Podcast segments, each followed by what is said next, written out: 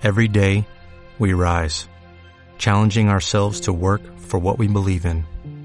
At U.S. Border Patrol, protecting our borders is more than a job, it's a calling. Agents answer the call, working together to keep our country and communities safe.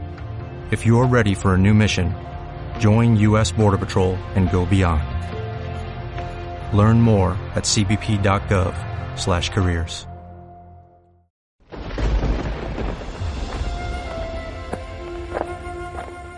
El Rai vos convida ara a creuar el llindar a Terra Llegendària. Així trobaràs les històries i llegendes més insòlites de les nostres terres. Soc Juan Fran Ferrandiz i seré el vostre guia. M'acompanyes? Endavant!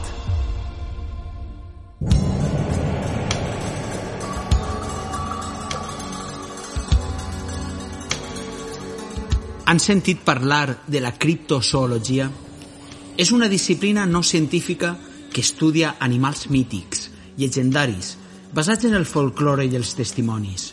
Els casos més coneguts són, per exemple, el monstre del llac Ness, el Yeti, el Bigfoot i altres.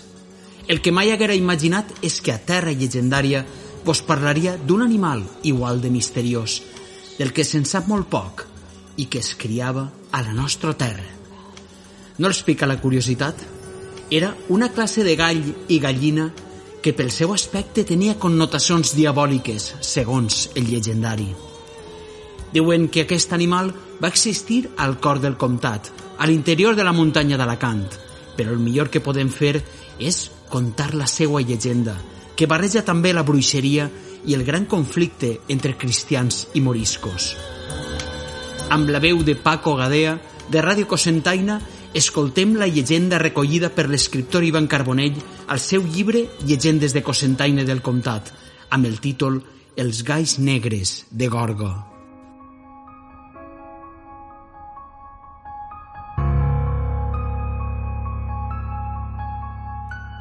Hamed Alhem era un cristià nou de Gorga que havia adoptat el nom de Ferran en ser batejat després de la conversió obligatòria.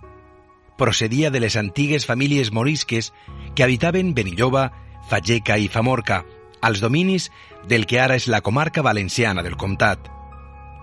Com a cristià nou que era, era dels pocs que havia fet fortuna.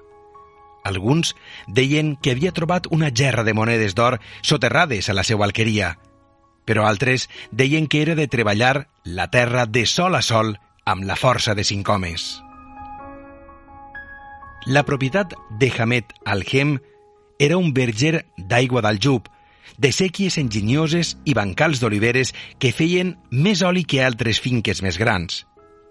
Com que venia de família tagarina, sabia llaurar la terra i dominar l'aigua millor que els cristians vells, que el veien treure fruits dels camps secs amb els ulls com a plats. Així, tenia Hamed Alhem la butxaca plena de sous i maravedís, de manera que tenia una bona caterva d'animals a l'alqueria. Hi havia cavalls negres, que alguns identificaven amb els cavalls de raça àrab, gossos de caça forts i sanguinaris capaços de dur a lloms a dos xiquets i bèsties de corral de les més diverses. A Gorga hi havia també un home, a qui li dien Lluís de Gormach, natural de Gorga des de generacions que es remuntaven a la conquesta de Jaume I.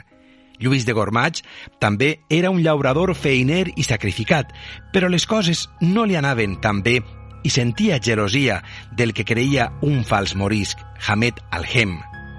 En el seu interior estava segur que la fortuna de les terres, aduc en temps de sequera, no li venia ni de cap gerrador trobat, ni de cap prec a Déu o Alà, ni tampoc dels esforços ni les penes del treball. Lluís estava segur que una terra tan fèrtil i una aigua tan abundant sols s'explicaven amb un pacte demoniac. A fe que si haguera pogut fer que la terrible Inquisició vinguera a inspeccionar aquell morisc, ho haguera fet. Tanmateix, Lluís de Gormach i Hamed Alhem tenien un lloc on dirimir la seva rivalitat. Aquell lloc era la plaça del poble i el dia triat era diumenge, després de missa de 12. Allà s'aplegaven els criadors d'animals del comtat i l'Alcoià per fer un rogle com si fora dia de mercat. El que feien era enfrontar gossos, cada vegada més forts i feroços. En aquelles baralles que les autoritats no encertaven a prohibir, s'apostaven monedes, corria la beguda i morien animals. I sovint, els gossos victoriosos eren els que criava Hamet al-Hem a l'alqueria de Gorga. Lluís de Gormach estava obsessionat per guanyar a Hamet i deien que havia anat a la serra a caçar llops per creuar-los amb gossos. Cert és que a partir d'un moment els gossos que duia eren cada vegada més terribles i quasi salvatges, com si foren mig llops, però encara així els gossos de Hamet al-Hem els abatien i el morisc i els seus deu amics de descendència tagarina somreien, panxacontents i eixerits. Es conta per Gorga que Lluís de Gormach va enviar cartes a criadors de gossos de fora del regne de València, oferint diners per adquirir algun gos extraordinari, sense importar de quina nació de fora vinguera, si de Castella, de França o d'Anglaterra. Un d'aquells criadors contestà la missiva amb la notícia d'un gos formidable, que era més aviat una bèstia ensinistrant a la selva negra d'Alemanya, com un granós i agressiu, com un llop famolenc i rabiós.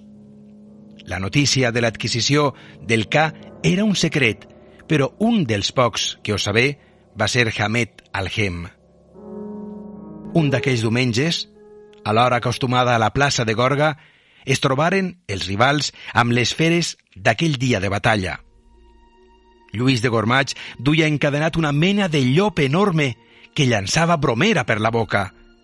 A la plaça, però, ja l'esperava Hamet Alhem amb una bèstia grisa que havia fet enmudir els gossos dels altres criadors que gemegaven i remenaven la cua darrere dels astorats amos que renunciaren a enfrontar-los. Tanmateix, el gos de Lluís de Gormach no s'espantà, sinó que estirà de la cadena per anar a fer front a l'altre gos terrible. Mentre les apostes corrien i les veus d'espant creixien, els gossos començaren a enganxar-se sense pausa, amb ossos terribles, a assassines i esgarapits que, segons es conta, se sentiren a quatretondeta i a millena amb claredat. La lluita va ser més llarga que mai, fins que el gos de Hamed mossegà amb encert el coll del gos de la selva negra que va caure de boca terrosa sense un alè de vida però quan el morisc anava a cantar la seva victòria, el gos gris vencedor deixà anar un údol molt agut i caigué també mort al costat de l'altre. Quan expirà el gos gris, el públic, en silenci i espantat pel combat cruel, es dirà cap a Hamet al-Hem i la seva tropa. Se'ls havia anat el somriure vencedor quan el seu gos gris va morir i en aquell moment Hamed deixa anar un crit espantós. No! De cop i volta, el públic ja no va veure Hamed Alhem i la seva tropa que sempre somreien reclinats sobre el mur de la plaça. Aquells homes, de pell morena, entre crits i terribles espasmes, es feren diminuts i poc després, el que hi havia sobre el mur de la plaça eren deu galls alineats en formació, negres com la nit i brillants com la lluna. Al bell mig dels quals, on era Hamet, hi havia un gall negre de cresta roja com la sang, més gran que els altres. Algú d'entre el públic superà la sorpresa i assenyalà els animals. Tenen banyes! Són dimonis, no galls! Ai, mare de Déu d'agres! Salva'ns! I ben cert, és que diuen que els galls tenien banyes dures i rosades i no crestes ni mirada de gall o de gallina, sinó de dimoni. I també es conta que en sentir allò, els onze galls infernals havien començat a agitar les ales i corregueren amb una agilitat inusitada cap a les afores del poble però on es perderen per a sempre entre un rastre de plomes negres caigudes i unes petjades de tres urpes que es perdien serrella endins fins a la serra del Faro. Igual que desaparegueren aquells galls, Hamed Alhem ja no tornà més a l'alqueria frondosa i fructífera. Se li assecaren els abjubs, s'arruïnaren les collites i els animals escaparen dels corrals. La seva finca es deixà caure a pedaços, enorme i maleïda, fins que s'oblidà on s'ubicava. L'únic que quedà de tots aquells dies de batalles d'animals va ser una ombra de sang a la plaça del poble, que les pluges de tants anys no acaben d'esborrar, i unes plomes de gall negre que entre les fulles dels arbres de la plaça de Gorga no s'acaben d'envolar mai.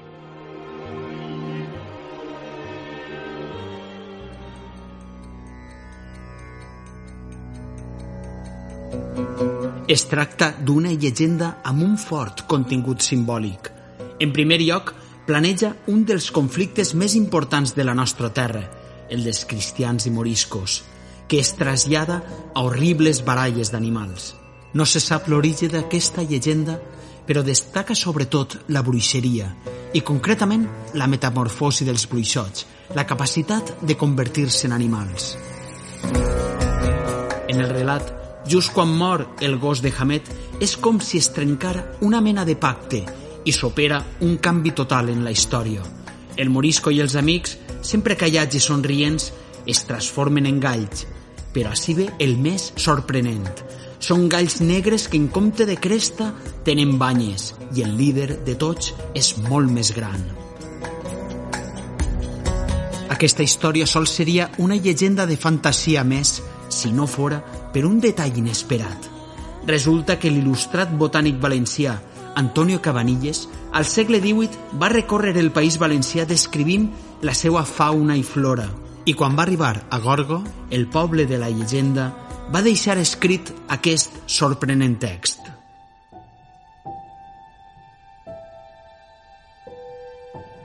Vi en Gorga una variedad de gallinas recomendable por su tamaño más que doblado que el de las ordinarias de Madrid.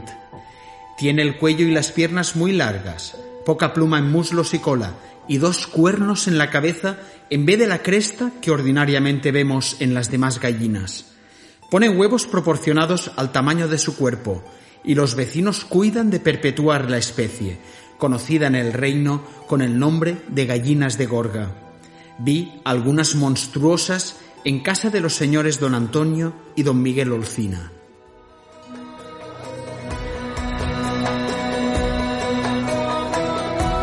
Què vos pareix? És possible que a Gorgo existiren gallines amb banyes en compte de cresta i el doble de grans? Per què ho diria Cabanilles, si no fora veritat? Així és com entra la criptozoologia a estudiar un cas valencià, perquè o bé va ser una confusió del botànic, que era tot un expert, o podríem estar parlant d'una espècie ja extingida, autòctona d'ací, de la que ha quedat testimoni en el llegendari, igual que va passar amb el Yeti a l'Himalaya i altres animals mítics. Fascinant, veritat? Tenim més espècies autòctones, com el colom gegant d'Almàcera, l'ovella guirra d'Agres o el conill gegant valencià, però els galls de Gorgo s'han perdut. Seguiran envoltats d'una aura estranya i habitaran per a sempre en el món llegendari valencià. Un món que anem descobrint passa a passa, sorpresa a sorpresa, en aquesta terra llegendària.